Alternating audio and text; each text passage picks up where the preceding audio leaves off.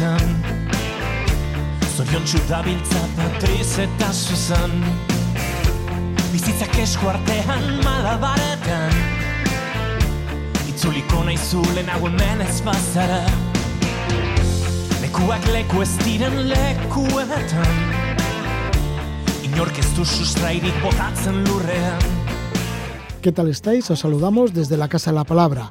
Recuperamos dos entrevistas con autores de sendos libros, uno sobre el surf y otro sobre los pastores vascos que emigraron a Estados Unidos.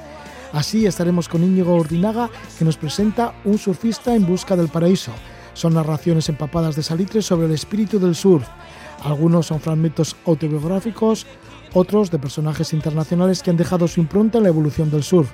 También es un libro de viajes y de aventuras, todo ello con una escritura ágil, amena y con una visión del surf en su estado puro, huyendo de la masificación y del cemento.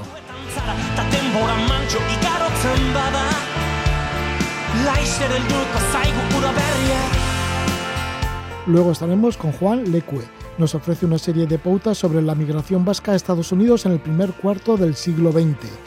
Se ha documentado sobre los pastores vascos que en la soledad del desierto y las montañas se tiraban meses y meses cuidando los rebaños y a tal propósito, pues Juan Lecue ha escrito la novela Solitude. Las condiciones de estos pastores en el oeste americano eran extremas. Durante ocho meses lo pasaban en soledad entre el desierto y las montañas. La única compañía eran dos perros y más de 2.000 ovejas. Cargaban con una escopeta para defenderse de los osos y de los coyotes. Escucharemos a Juan Lecue con su novela Solitude, pero ahora estamos con Niño Gordinaga, un surfista en busca del paraíso.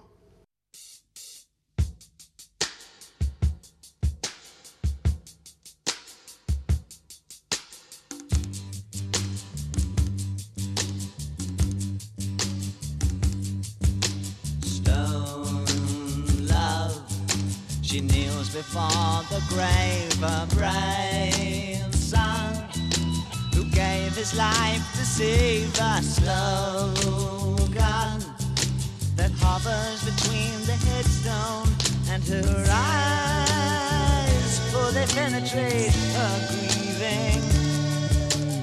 You love a boy and girl, the talking only they can share in you. What a love so strong it tears their hearts to sleep through the fleeting hours of morning. Love is careless in its choosing, sweeping over. el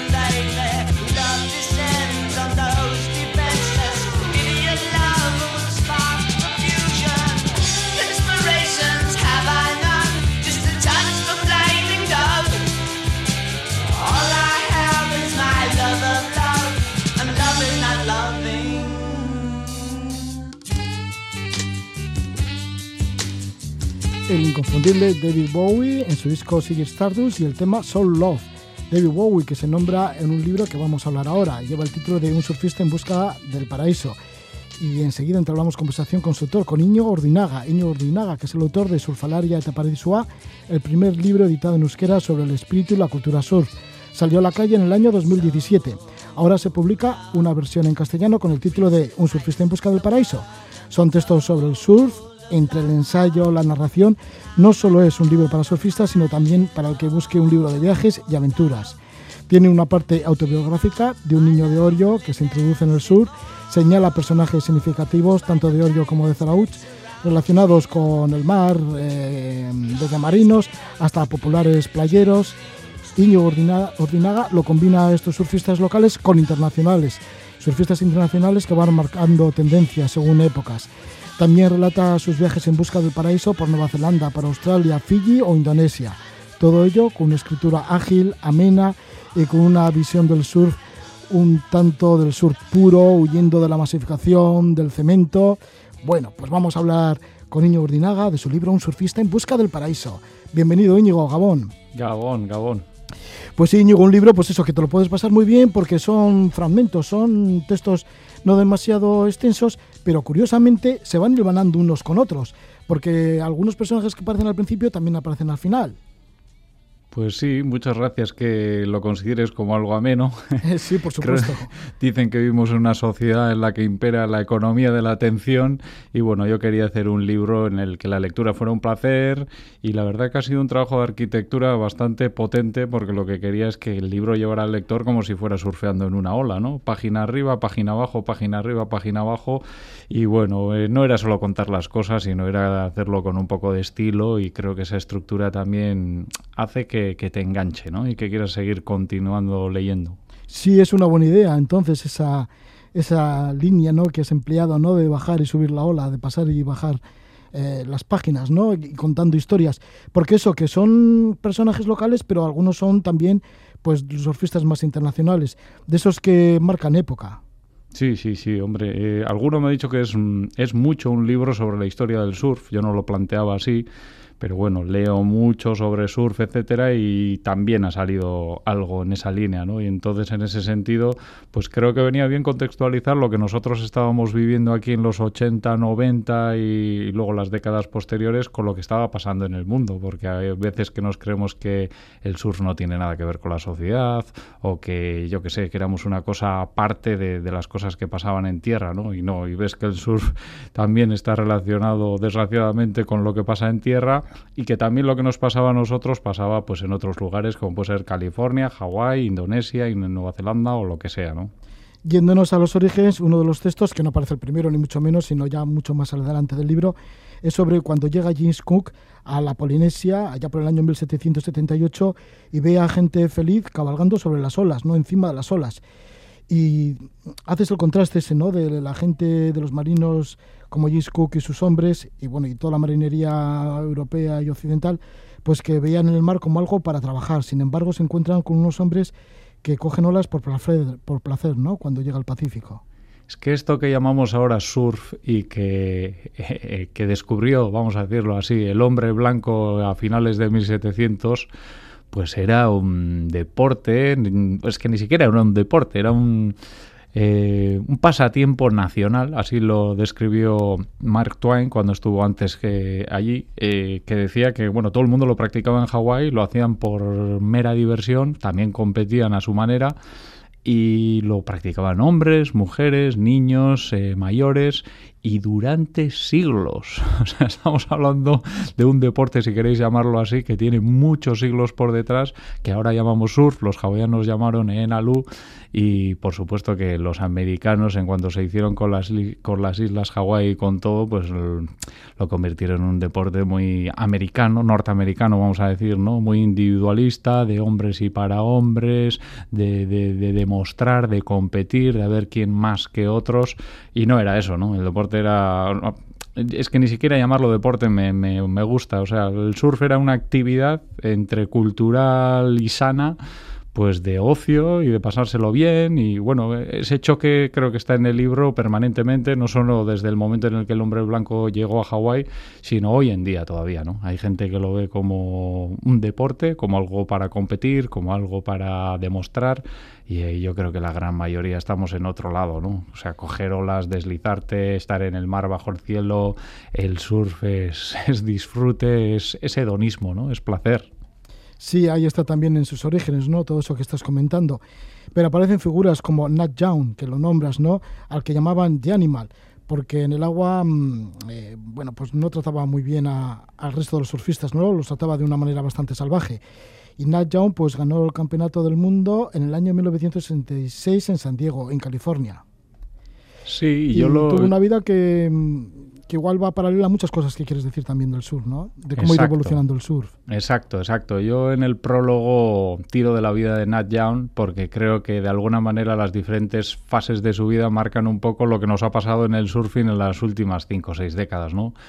Pues un tío que era, bueno, un tío que era guapísimo, atractivo, eh, que vivía los hippie en Byron Bay con cuatro amigos, se hacían sus tablas, fumaban marihuana, eh, oían Pink Floyd y descubrieron Indonesia y bueno, luego montó una tienda de surf, luego sacó una guía de surf, luego ya se puso una escuela de surf y digamos que lo que era eh, intentar vivir del surf para seguir surfeando se fue convirtiendo convirtiendo en algo mucho más ambicioso en el que quería sacar lo máximo posible, el máximo dinero posible del surf, pues para jubilarse cuanto antes o para darle una buena vida a sus hijos, me da igual, pero el humano no, no acaba de conformarse cuando cumple sus objetivos.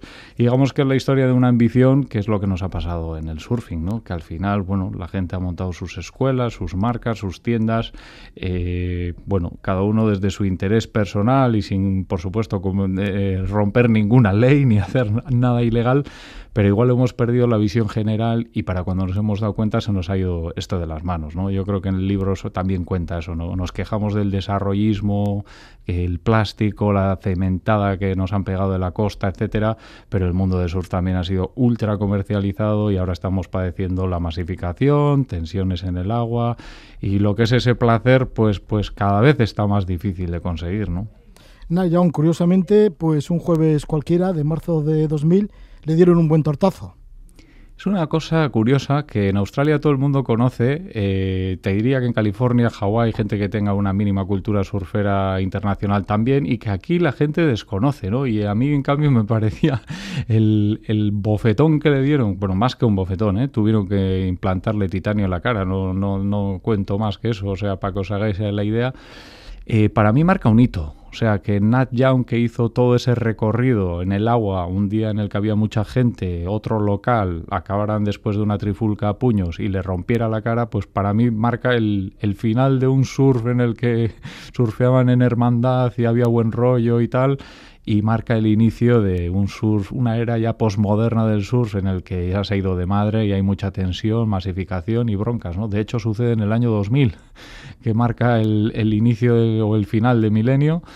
Y bueno, yo creo que es un hito importante, aparte de una metáfora de ese señor que era tan guapo, tan atractivo, con esa cara que era la cara del surf en la época, pues acaba con implantes de titanio y con una cara deformada llena de moratones, ¿no? Eso es el surf hoy en día. Entonces te preguntas, ¿en qué época fueron los surfistas más felices? ¿Nos alejamos del paraíso? También te preguntas. Esa es la pregunta que guía el libro, ¿no? Y la obsesión que me... Bueno, todavía, ¿no? Estamos cada vez más lejos o más cerca del paraíso, ¿no?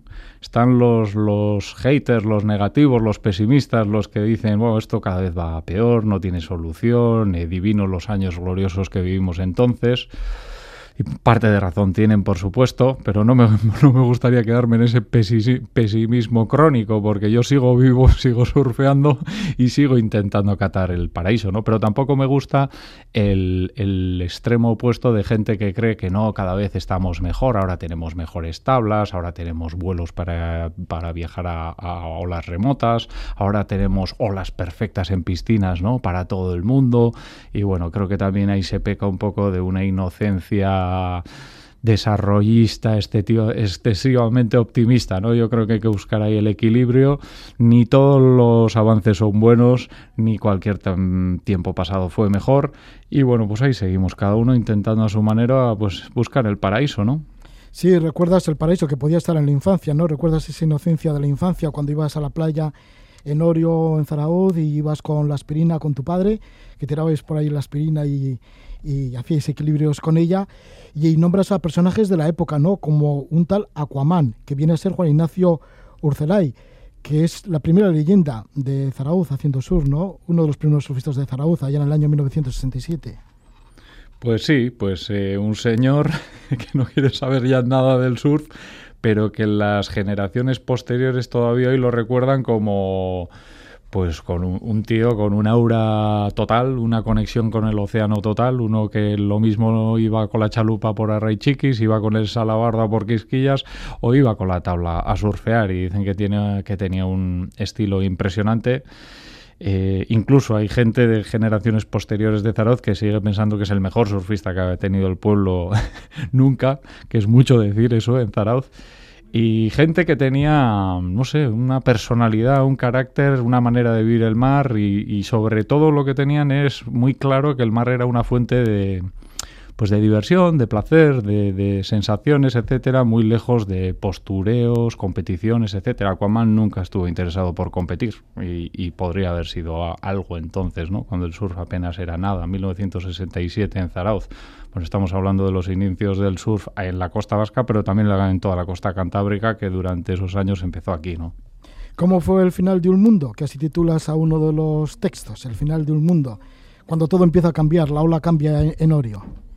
Bueno, este mm, es un tema muy personal en mi caso, bueno, de mi generación de surfistas en Orio, pero creo que sirve como metáfora en el libro, ¿no? Pues en Orio, en la ría, en la desembocadura de la ría Oria, teníamos una ola de muy buena calidad, una izquierda tubera, se parece mucho, si os fijáis, la, la playa de Orio a Rodiles, ría a la izquierda, un pequeño espigón, una playa a la derecha, y bueno, se dependía de los bancos de arena, pero a veces teníamos olas muy, muy, muy buenas ahí, ¿no? Y bueno, pues eh, los pescadores tenían sus problemas para entrar y salir con los barcos, incluso dos hermanos de mi abuela murieron allí, o sea que conozco muy bien el tema.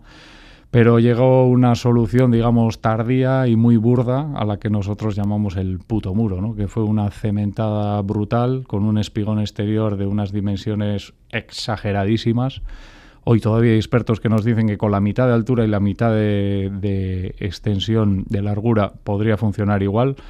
Se pasaron siete pueblos, nos destrozaron la ola y, no solo eso, desde allí empezó ya desde aquel momento la urbanización de la playa de Orio. Malecón, hotel, casas, restaurantes, puerto deportivo, pues un desastre para nosotros, así de claro. O sea, destruyeron nuestra ola, destruyeron nuestra vida y creo que fuimos víctimas de un desarrollismo salvaje y de una cementada que, no tiene nombre, ¿no? O sea, yo creo que tenemos que abrir un poco los ojos. Está muy bien decir que el País Vasco es un lugar maravilloso, privilegiado, etcétera, pero la costa la tenemos yo creo que muy muy fea, excesivamente urbanizada, compartimentada y la naturaleza no es cuadrada, ni, las, ni la playa se puede encajonar entre piedras y cemento y llegamos un poco tarde, creo que se nos ha ido las manos, la verdad. Y tanto que se nos ha ido las manos, porque tenemos una pequeña costa, no hay demasiadas playas así de arena, sin embargo lo estamos maltratando muchísimo. Tú cuentas el Orio, pero muchos hemos perdido nuestra infancia en, en otros lugares de la costa, ¿no? Yo que sé, ahora mismo recuerdo, por ejemplo, lo de la central nuclear de, de ¿no? Que era una cala preciosa. y bueno, pues ya no, ya no existe. Es todo lo contrario, es puro cemento. Y, y fíjate qué cemento, ¿no? Eh, bueno, pues y tantos y tantos, tantos lugares de la costa vasca. Bueno, el caso es que tú en busca de ese paraíso, pues te vas a Nueva Zelanda, bueno, también a estudiar inglés y demás, y te encuentras una localidad que se llama Wangamata, que ahí encuentras la plenitud, dices, esto puede ser el paraíso, y además te dan ganas de llorar porque tienes nostalgia de la ola de Orio que lo encuentras allí. Tú imagínate que llego yo a Nueva Zelanda a aprender inglés, por supuesto con mis tablas, etcétera, un año por delante. Y bueno, en cuanto conozco los primeros amigos surferos, etcétera, que me hice, pues joder, tienes que ir a Wangamata, ¿no? Es, lo que me estás contando, ¿no? Es una boca de ría con su playa, tal, de vez en cuando sale una izquierda. Orientación este, da la costa este, con lo cual tiene pocos swells al año, no son muchos los días en los que rompe muy bien bueno, yo llegué allí y, es, pues efectivamente, o sea, casi llorando, ¿no? Con olas hasta la altura de mi rodilla, pero allí la boca de la ría sin ningún muro, sin ninguna cementada y como a mí me hubiera gustado que se hubiera quedado la, la ría de Orio, ¿no? Y bueno, pues fui cada vez que anunciaban marejada, entonces en internet acababa de empezar y los partes no eran tan buenos y a veces iba y de repente a los dos días cambiaba el parte, etcétera. Fui tanto que me hice amigos, muy buenos amigos, el shaper del local y bueno, algunos más. De hecho me pusieron un mote y todo, que lo cuento en el libro. Y bueno, al final llegó el, gran día y bueno, hubo un día que me regaló Wanga Mata en la que salió la izquierda. No tanto hubiera como a mí me hubiera gustado, pero sí, con una sección de tubo larga. Estuvimos 15 personas o así desde la mañana, no demasiados. Y bueno, pues yo estaba ahí, surfeaba la ola hasta el final y cuando tocaba el fondo al final la arena, pues era como pisar la, arena en la ría de Orio, ¿no? Yo miraba allí ría arriba y veía la ría de Orio, ¿no? Y fue un baño súper especial, no por la ola, sino, ni, ni por el ambiente con la gente, sino porque fue como unos segundos de volver a la infancia y a ese paraíso que nos robaron en Orio, ¿no? Tus amigos de allí, de esta parte de Nueva Zelanda, te apodaban Blue Jay, ¿no? El vasco de Mundaka. Bluey, Bluey. Ah, Bluey. Bueno, yo, yo Íñigo, es, un nombre que les cuesta mucho a los ingleses, la ñ, y entonces yo les decía, llámame índigo, ¿no? Como el color, índigo. Y entonces el color azulito este, pues el nombre índigo decía que eran de, de pijos y a mí me pusieron Bluey, que es más azul, azulito o algo así, vamos a decir. Sí, y lo de Mundaka lo tiene como muy clavado, ¿no? Sí, Esto del hombre. vasco de Mundaka te llamaban. Bueno, es que allí hay gente que no conoce el País Vasco y conoce Mundaka, ¿no? Te Mm. quiero decir, hay surferos, ¿no? O, que, o, o gente que te conoce, pues yo qué sé, Osegor, La Pitania, eh, Mundaka. Pues es muy... Mundaka entre los surferos es súper conocido en todo el mundo y yo te diría que incluso Nueva Zelanda tiene una pequeña conexión con nosotros, ¿no? Son cuatro millones de habitantes, creo que anda por ahí. Eh, ellos se sienten, yo creo que más europeos que, que americanos, ¿no? Que les diferencia un poco con los australianos eso. Y todos han pasado por aquí, han viajado y han bajado hasta Portugal, pasando por aquí. Y sí, ahí les gusta, les gusta esto. Sí, además dices que las montañas y los valles son parecidos a los nuestros, pero que tienen más viveza, ¿no? Que son como que, como que, no sé, que los vives como más. Hombre, es que nosotros aquí, joder, qué maravilla. Que no son como un documental, que es algo vivo. Bueno, y luego cuando empiezas a hacer surf, pues te encuentras con, con focas y todo. Es que, bueno, primero es una población mucho menor en proporción a- al territorio, ¿no? O sea, la densidad de población es, es, es muy leve, entonces la naturaleza está muy viva. Eh, pues no es casualidad que se roden ahí, pues yo que sé, El Señor de los Anillos y super películas así, ¿no? Una naturaleza escandalosamente brutal, pero también yo diría un cuidado medioambiental y una sensibilidad mucho más avanzada que la nuestra, ¿no? O sea, ellos han sabido, han sabido con un turismo sostenible, vamos a decirlo así, pues mantener esa naturaleza y, y- y demostrar que el desarrollo es posible sin tener que destrozar todo, ¿no? Sí, eso comentas en el libro, ese dichoso desarrollo económico es posible sin necesidad de alterar y desnaturalizar. Y eso es lo que han hecho en Wangamata, porque también tus amigos decían, uy, que aquí igual también hay peligro de que como vienen tantos turistas, algún día nos cambien la ola y cambie todo. Pues por desgracia se cumplió la profecía de mis amigos los locales de allí, que les decían a que nosotros nos quieren hacer una marina ahí arriba, un puerto deportivo, algún día nos van a joder como a vosotros, ¿no?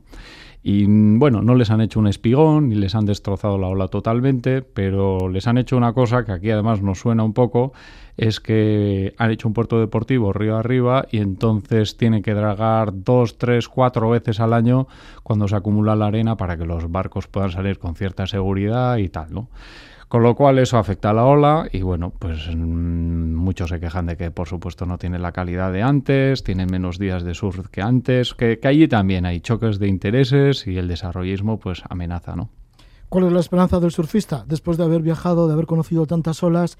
Bueno, que te has encontrado pleno en lugares como en Indonesia, ¿no? Que también dices en el libro que se parece al paraíso, o en las Fiji que estuviste llorando porque no te podías creer cómo estabas cogiendo olas y en dónde estabas y encima solo.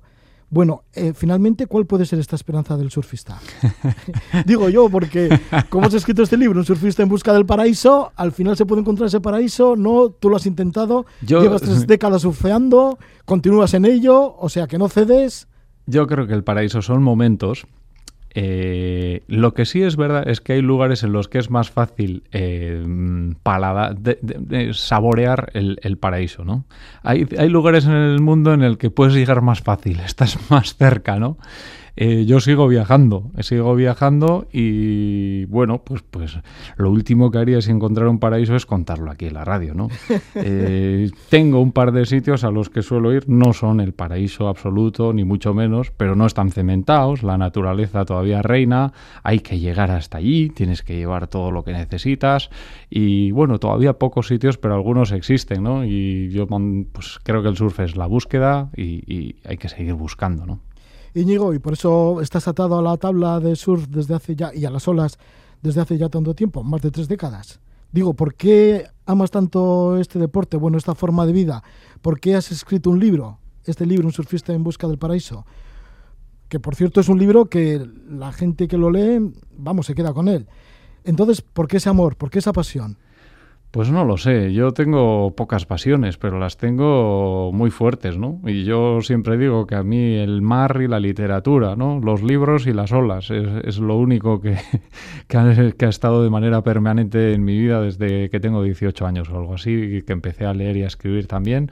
Y bueno, pues es lo que me gusta y leo mucho, también leo sobre surf y veía cosas que no me gustaban de la actual visión del surf y bueno, y viajo y algunas vivencias creo que merecía escribían y el libro ha ido cogiendo forma y, es lo que tenéis entre manos. Sí, bueno, has dicho que lees mucho y se nota muchísimo que lees también autores clásicos de, del mundo de la aventura y lees mucho sobre, sobre el mundo del surf. Aquí está este libro de Iño Ordinaga que lleva el título de Un surfista en busca del paraíso, que lo edita Salvera, y luego también lo tienes en euskera, que es Surfalaria eta Paradisua, que antes he dicho que se editó en el 2017, pero yo creo que fue un año antes, en el 2016. No, no, no, creo que es correcto, es fue el 2017. Ah, vale, vale, vale. Bueno, pues ahí está. lo hemos dicho bien por una Sí, sí, lo has hecho muy bien. vale, pues muchísimas gracias, Íñigo Ordinaga. El libro yo creo que se encuentra fácilmente, ¿no? Sí, sí, sí, en cualquier tienda de Elcar, si en tu librería si no lo tienen te lo van a traer porque lo distribuye Elcar, en internet también lo puedes encontrar fácilmente, sí. Vale, muy bien, Íñigo. Pues que vaya bien y que vaya bien también con el tema de las olas. Es que ricasco. Que encuentres el paraíso. Igualmente.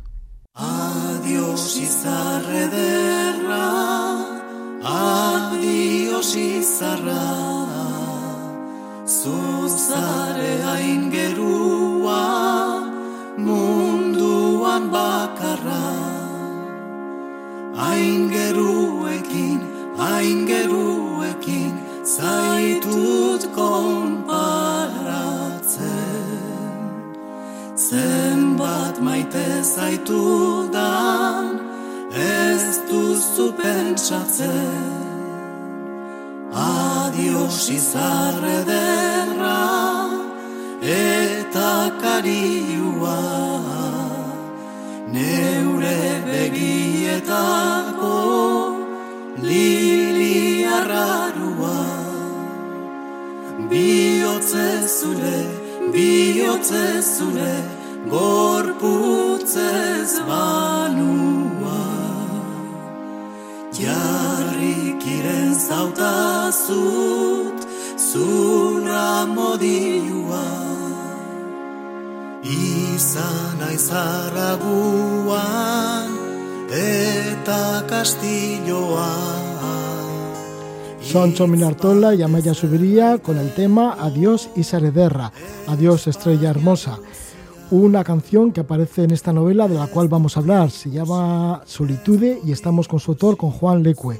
Juan Lecue relata en su primera novela larga la historia de Jean-Claude y Lucille, un matrimonio natural de Ichazu, pueblo de los Pirineos en Iparralde, que como tantos otros vascos emigraron a Estados Unidos a principios del siglo XX en busca de un futuro mejor y se vieron atrapados en unas condiciones de vida bastante duras y la añoranza de lo que ellos denominaban el viejo país, recordando Euskal Herria. Narra un viaje a través del Océano Atlántico esta novela, desde Francia hasta Nueva York, y luego en tren hacia el oeste de Estados Unidos. Una vez que ejercían de pastores, las condiciones eran extremas. Durante ocho meses los pastores pasaban en soledad entre el desierto y las montañas. La única compañía que tenían eran dos perros y más de dos mil ovejas. Cargaban con una escopeta para defenderse de los osos, de los coyotes y otros animales salvajes de la zona. De esto trata esta novela, Solitude. Estamos con Juan Lecue. Juan, Gabón. Gabón. Bueno, pues me lo estoy pasando bastante bien leyendo tu novela y las aventuras que viven estos dos pastores, ¿no? Este matrimonio, Jean-Claude y Lucille, porque ya desde el principio vivían en una pobreza bastante grande, ¿no? Dice el personaje Jean-Claude que tenía más dignidad el, burro del vecino que él. Sí, en realidad eh, las condiciones a principios del siglo XX en todo Euskal Herria fueron las condiciones de pobreza en muchos sitios extrema, ¿no? De hecho, mm, fueron a América, tanto de, de como de Iparralde, fueron a América cientos de miles de personas. Y bueno, eh, la mayoría fueron, iban por el tema del idioma y así, sobre todo los de Igualde iban a Argentina, Paraguay, Uruguay, pero algunos otros se encaminaron hacia, hacia Estados Unidos bien sea por a principios, a mediados del siglo XIX, ya por la fiebre del oro que iban a California, y ya cuando se acabó la fiebre del oro, pues ya algunos ya hicieron su viaje hacia Nevada, hacia los estados de Nevada y de Idaho, que eran estados ganaderos. Y bueno, y este es un poco el, viaje, escapar de aquella pobreza que tienen, eh, que sufrían en Euskal Herria en aquellos momentos. Para escaparse debían embarcarse, debían embarcarse en un buque que, en tu caso, en el caso de tus protagonistas, partieron del puerto de Leabre.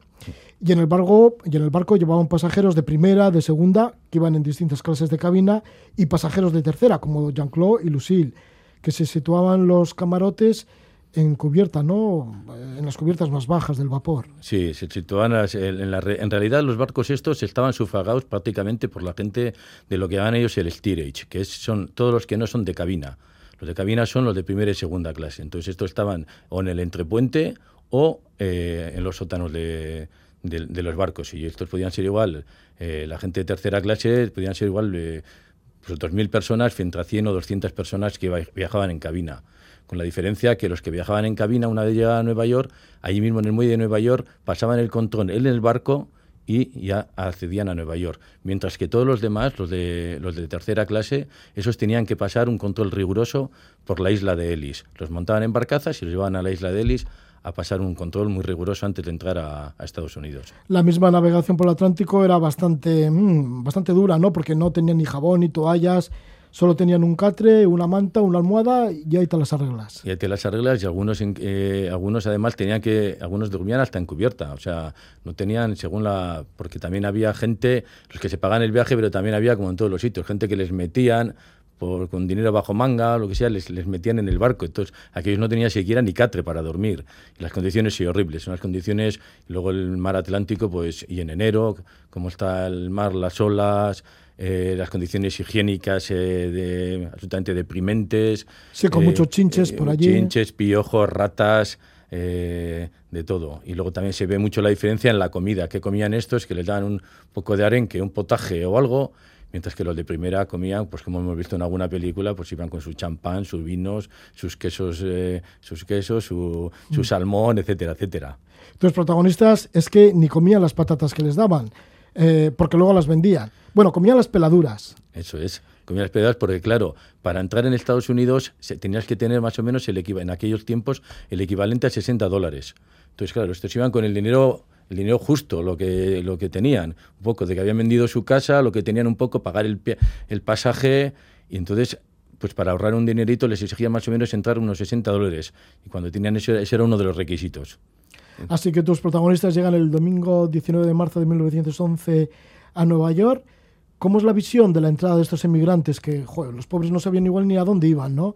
Cuando ven, por ejemplo, la Estatua de la Libertad y cuando ven los edificios, los rascacielos de Nueva York al fondo? Pues por ejemplo a Lucille lo que le supone es un choque tan brutal con su casita de Ichazú, que, es, que no deja de ser un pueblito pequeño hoy en día también, y un choque tan brutal que le parece que es eh, que ha entrado en el infierno, que es el que está todo endemoniado, esos rascacielos tan enormes, toda esa gente, ese bullicio, ese ruido, esa esa locura que ella percibe que hay, que hay allí le, crea un, shock. Pero claro, su marido Jean-Claude dice, para atrás ya no podemos ir, hay que ir para adelante. O sea, hemos venido a lo que hemos venido a buscar una nueva vida y hay que ir hacia adelante. Pero bueno, esa constante y luego la situación eso ahí empieza mismo ya la soledad, ¿no? Eso de sentirse entre tanta marea tan humana, tan tanta gente y todo eso, aún así te sientes solo, te sientes como desvalido. El idioma ahí es importante, claro, desconocían el inglés y es una para ellos era un era un hándicap tremendo. Ya, porque llegas casi pelado de dinero. Mm. ¿Qué haces? No puedes regresar. Ahí va a ser tu mm. vida, ¿no? En, América. Pero no sabes el idioma, los edificios te comen. Mm. ¿Qué, ¿Cómo puedes buscarte la vida? Y además les llevan a la isla de Ellis, a estos de tercera, de tercera categoría. ¿Y cómo es el paso de los emigrantes por la aduana? Pues para que puedan entrar definitivamente a Estados pues Unidos. Fíjate, Roge, eh, se, calcula más o menos que fueron los que entraron por la isla de Ellis eh, fueron a unos 20 millones de personas. ¿eh? O sea, es una cantidad de emigrantes en 30, 40 años, desde, desde finales del siglo XIX hasta, hasta el año 30 o por ahí, tremenda. claro, llegaban allí y les hacían las famosas 29 preguntas. No, a veces eran 30, a veces eran 28. Se hacían unas preguntas que lo importante de las preguntas no era lo que no eran las preguntas en sí, eran las respuestas que coincidiesen con las mismas preguntas que les habían hecho ya en los puertos de partida. Se habían hecho un cuestionario en los puertos de partida, en el ABRE en este caso, ahí les pasaban unos controles eh, sanitarios, les vacunaban eh, y luego les hacían una serie de preguntas que venía reflejado en, lo que es un acta del, del barco. Y eso, lo que, eso es lo que miraban luego los inspectores allí. Entonces había preguntas de todo, de todo tipo, normalmente, pero había cuatro importantes. ¿eh? ¿Dónde ibas a vivir? Si tenías parientes, si tenías dinero. tres o cuatro preguntas importantes. Las demás eran, pues les preguntaban cosas absurdas como ¿de qué color tienen los ojos? Pues para que no se equivocasen o para que no dijesen o ¿de qué has trabajado? o eran cosas... Ya, para que no sí. se contradijera con lo que habían escrito en el Eso libro. es, o eres anarquista, eres homosexual. Claro, algunos de estos eh, miraban como... La gente decía, ¿de qué, qué me pregunta este? ¿no? Entonces era una...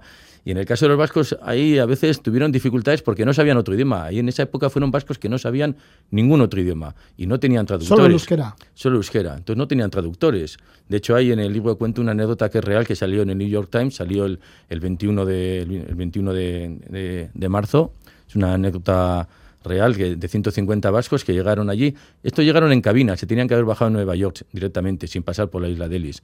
Pero como no podían no podían relacionarse con ellos, pensaron los inspectores que querían entrar, querían entrar eh, pues un poco por pues eso, por la cara, en, est en Estados Unidos, etc. Entonces cogieron, les bajaron a todos y los llevaron a la isla de Ellis. Y allí no podían comunicarse con ellos. Entonces se creó un tapón tremendo, porque claro, venían miles y miles de personas que tenían que pasar. ¿Y qué sucedió? Pues que encontraron una persona, Euskaldun, que ya vivía en, en Nueva York, que sabía castellano y él pasaba castellano y, y, otra persona de castellano pasaba inglés lo que decían. Y así se resolvió el entuerto.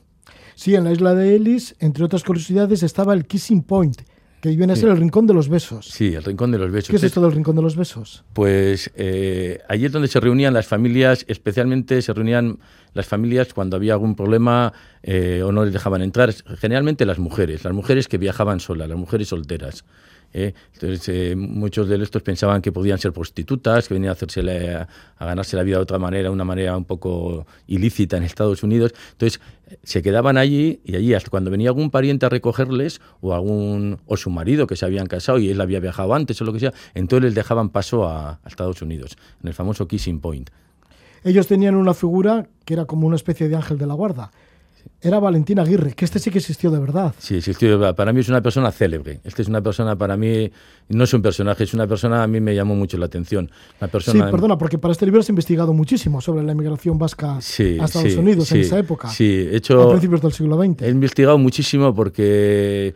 Porque claro, sí que tus personajes principales son ficticios, pero los demás son reales. Son reales, eso es, son reales. De tus investigaciones, de es, la documentación que has obtenido. La, sí, de, leyendo periódicos de la época, tesis doctorales de, de, bisnietos de gente que fue en aquella época, eh, libros, eh, documentales, de todo. Me he informado de todo porque, claro, yo tan desconocía este tema y claro, pero yo, yo era un poco los ojos de Jean-Claude y Lucille. Ellos también desconocen ese mundo. Y yo les tengo que dar esos detalles para que ellos también vayan, en la novela, vayan caminando a la vez que voy yo caminando. Y, Entonces, el lector claro, también se mete en eso, porque eso. dices, bueno, ¿y ahora qué, qué van a hacer estos allí en Nueva York? Es. Si no tienen parientes, si no tienen dinero.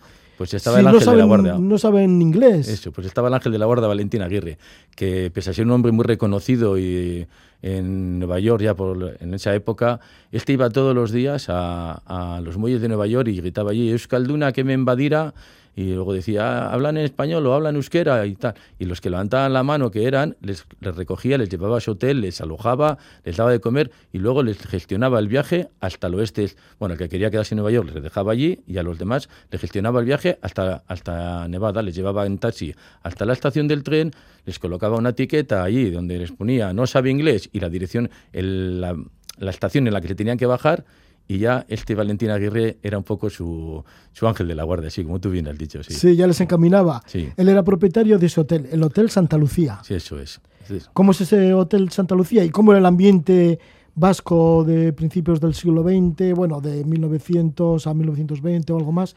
Bueno, ese mundo de Valentín sí. Aguirre y los vascos que llegaban.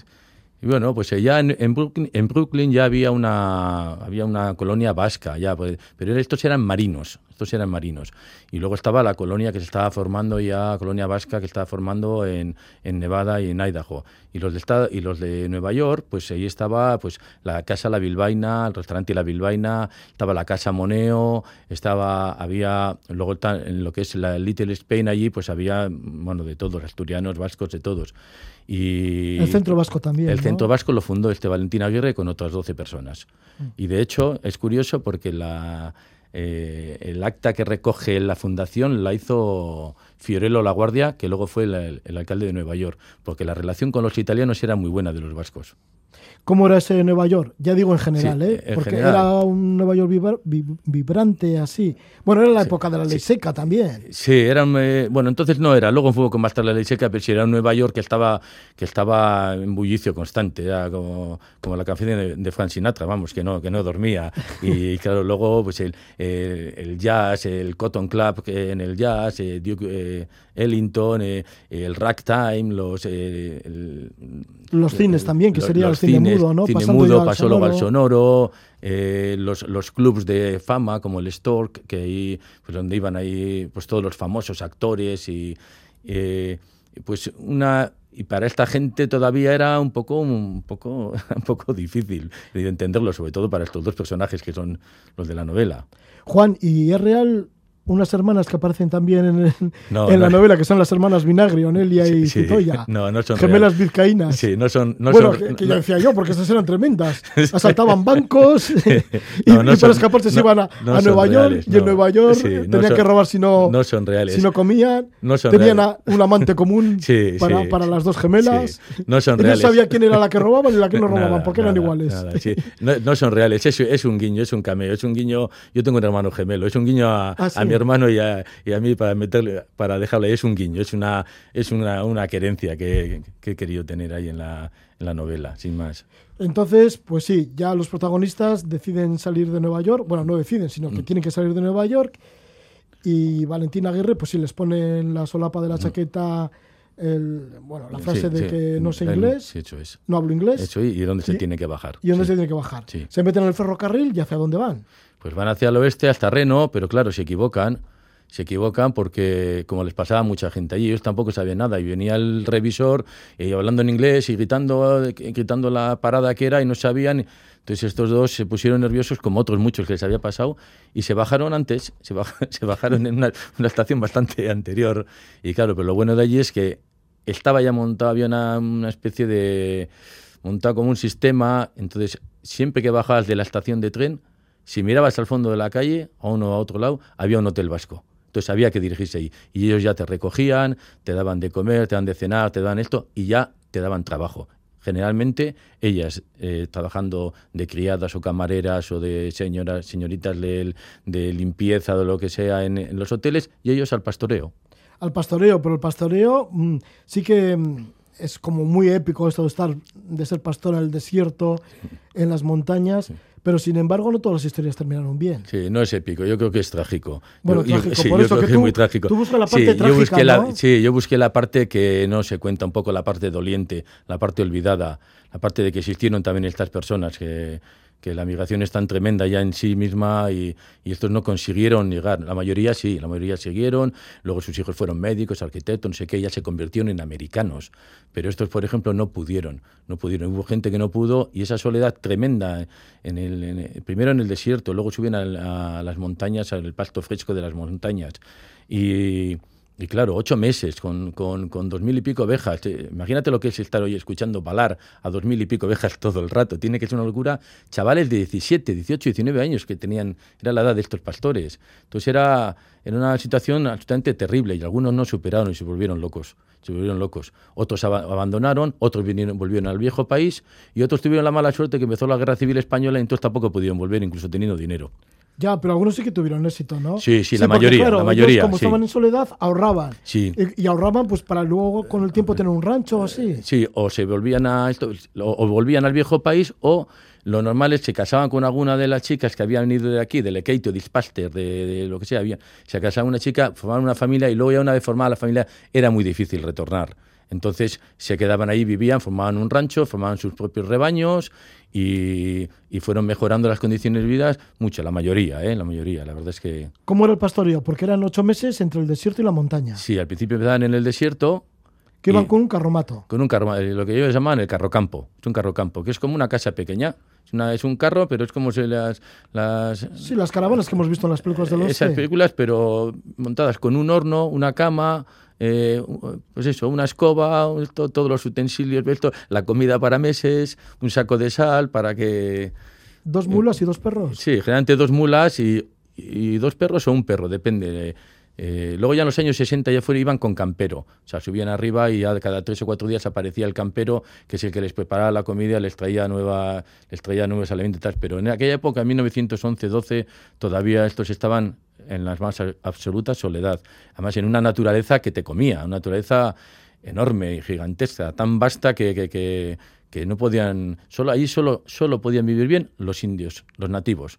Sí, porque estaban adaptados. Exactamente, y porque, y porque los indios curiosamente piensan que son parte de la naturaleza, mientras que los que fueron, todos los emigrantes que fueron, todos los blancos que fueron a América, que conquistaron América, la naturaleza es un, es un, es un, medio, es un medio para conseguir algo, o sea, no, no se sienten parte de la naturaleza, quieren conquistar la tierra, los, los animales, los montes. Entonces, la, la visión es completamente diferente. ¿Cuáles son las amenazas del pastor y Pues, de sus ovejas? Pues, pues mira, curiosamente todo el mundo piensa que son el oso, el lobo, el coyote, eh, eh, el puma y eso. Pero también los ganaderos tuvieron muchos problemas con porque no estaban bien vistos los que llevaban ovejas. Ahí era, era una tierra de, de ganado bovino, o sea, la- lo que hemos visto en todas las películas, los ranchos con las vacas y para adelante. Y las ovejas no estaban bien vistos y O tenían sea, mucho- que los cowboys iban contra los pastores. hecho, eh, hubo muchos enfrentamientos y muertes, ¿eh? Y, muertes. eh, Luego también hay historias, ¿no? Con los propios nativos. Sí, también hay historias con los propios nativos, eh, los famosos de, eh, tres vascos de banca que, que eran pastores. eh, bueno, estos eran, sí, estos eran ganaderos y al parecer hubo un malentendido con, con la tribu de un tal Mike Sosone. Que hoy en día tampoco está muy claro qué pasó realmente, pero hubo un malentendido, mataron a los tres pastores vascos, se supone que era Mike Sosone, entonces fueron en su busca y captura, se organizó toda una busca y captura hasta que mataron, hasta que les mataron, les cogieron y les mataron, que se supone que es la última matanza inde- india por parte de los blancos en, en Estados Unidos. Sí, que también se recoge en esta novela. sí. Estamos hablando de esta novela, Solitude, Mm, mm. y estamos con su autor, con Juan Lecue, que ha estudiado muchísimo, se ha documentado muchísimo. Bueno, hay una amplia bibliografía, Sí. porque además eres filólogo inglés, dominas el inglés y entonces has leído muchos libros también en inglés, mucha documentación. Aparece una larga bibliografía de, ese- de esa información que tienes, ¿no? De los vascos, Sí, sí. de la inmigración vasca en Estados Unidos. Sí. Y de ahí basas y te inspiras. Sí, y luego ya lo que he hecho es juntarles un poco, eh, engarzar a todos los a todos los personajes, porque luego los perso- personajes reales también están. Está Ravel, por ejemplo, está Salinger, ¿no? Está Chap- Maurice Ravel, Chaplin, pero está Maurice. Ravel, que es el que le da la música a toda la obra, es el que le da música, porque Ravel Estuvo eh, de gira por Estados Estuvo Unidos. de gira por Estados Unidos cuatro meses. Fue para dos meses y estuvo cuatro meses. Era, era como un actor de cine ahora, de los famosos. Entonces estos eran una gente muy famosa. Y es el que le da la música a, a, a la, a la novela. En realidad, si no hubiera estado Ravel, hubiera quedado un poco coja, hubiera quedado distinta. No sé, no me lo hubiera imaginado de otra manera. Sí, porque Jean-Claude, tu protagonista, es bastante cantarín. Sí, es cantante. Y sí, el, pa- el padre de él era Versolari, además. Sí. Entonces, eh, y él le canta a la mujer. Y esa canción, curiosamente, Sí, la de Adiós y, Eh, y Sare Derra. Derra, eh, yo estuve escuchando a Ravel mucho tiempo y reparé en el trío en la menor de Ravel. Y, jo, y tal, y yo tenía que buscar la música ahí. Y claro, y leyéndole a Ravel, leyendo a Ravel, él dijo, una vez confesó que ese trío en la menor, el comienzo del trío en la menor, lo había escuchado a un pastor vasco cantar en una canción. Y luego fui hilando y casualidad, encontré a Dios y Sarrederra y es verdad, son la misma canción, es el mismo inicio. Y entonces ese, esa canción, por medio de Ravel, ese es el que une a Jean-Claude con su mujer que luego fallece y, y les va uniendo durante toda la obra. Sí, Ravel, que mm, también nació, era natural de cerca de Ichazu. De, de Chiburu, sí. Sí, Sí, sí, sí. sí, a, a 25 kilómetros. O Sí. sea que bueno, que puede ser como verídico, ¿no? Que, que Ravel conociera de los pastores esa, ese- esa Sí, eh, no, es verídico y conocía lo que es la eh, todo la madre de Ravel le cantaba en euskera, Ravel, la madre de Ravel era euskaldún, le cantaba en euskera y todo, que él conocía los ritmos, los- las canciones eh, eh, de, de vascas con, con- con, bueno, con mucha precisión. De hecho, que él también solía cantar. Igual es desvelar mucho tu novela, ¿no? No, Pero no. Jean-Claude, este pastor vasco que va a Estados Unidos, que está en el desierto, en la montaña, durante ocho meses al año, finalmente termina un poco tarumba o loco. Termina loco, sí, termina, termina loco, sí, pero bueno, termina, termina loco y, pero bueno, no es, no es desvelar mucho, porque en realidad la soledad es lo que te lleva, hemos estado todo el rato hablando de la soledad, de, la- de- de- de la locura y así, le- termina loco, pero bueno, como también está su hijo Hudson, está luego Angus, que es otro, otro inmigrante escocés que, que de una, alguna manera se come el alma de su hijo, de Hudson, y cuando están los dos compartiendo cama en una cama después del desembarco de Normandía.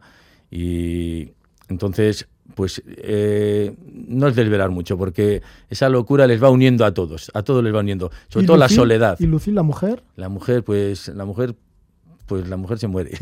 La mujer se muere, se muere. ¿En Estados Pero no Unidos? imp- sí, se muere en Estados Unidos. sí. En la mira, ahora a cuenta de esto del COVID, con la gripe, de, la gripe española. la gripe se muere en el española. 18 de la gripe española, sí. 1918. Pero bueno, no, no es desvelar mucho, ¿eh? No, Sí, que, sí. que, la relación entre ellos es, es- es creo que casi es lo más importante y luego la, la soledad, por, la soledad, cómo es- está tratado el tema de la soledad y es un poco para que vea Roge es un poco es un es la es un poco una em, es el- la novela es como eh, la mitad crónica crónica eh, de la época de los vascos que vivían las situaciones que vivieron que yo las he leído en los periódicos de allí. Eso es por un lado y otro es la parte de la soledad que eso he tenido pues que indagar también y mirar para ver cómo les afecta a las personas el tema de la soledad hasta llegar a volverte loco. Es un poco las dos, los dos planos de la novela. Pues ahí el título, Solitude. Eso es. Y estamos con su autor Juan Lecue, que es de Rigorriaga, Sí. en Vizcaya, filólogo inglés. Muchísimas gracias por estar con nosotros, por hablarnos de tu novela, Solitude, que lo Pues edita es- Chertoa. Sí, señor. Cherteva, Pues es que ricasco, Suri eh, Roge, que muy bien, pues hasta la, hasta cuando quieras otra vez, yo, yo estoy aquí dispuesto para hablar contigo del libro y de, y de los viajes y de lo que haga falta. Hasta Muchas- pronto. Es que, es que ricasco, hasta pronto. Es que ricasco, Juan.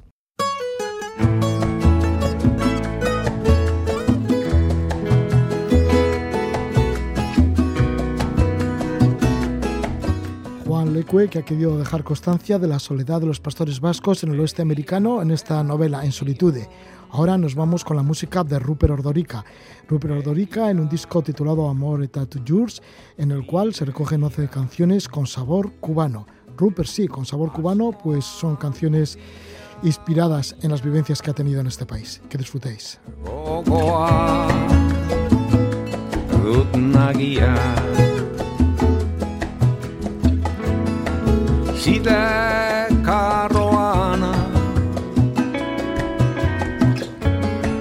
Azken ez bere bila. Agur esan nahi nion Esperi agurra. Nun eta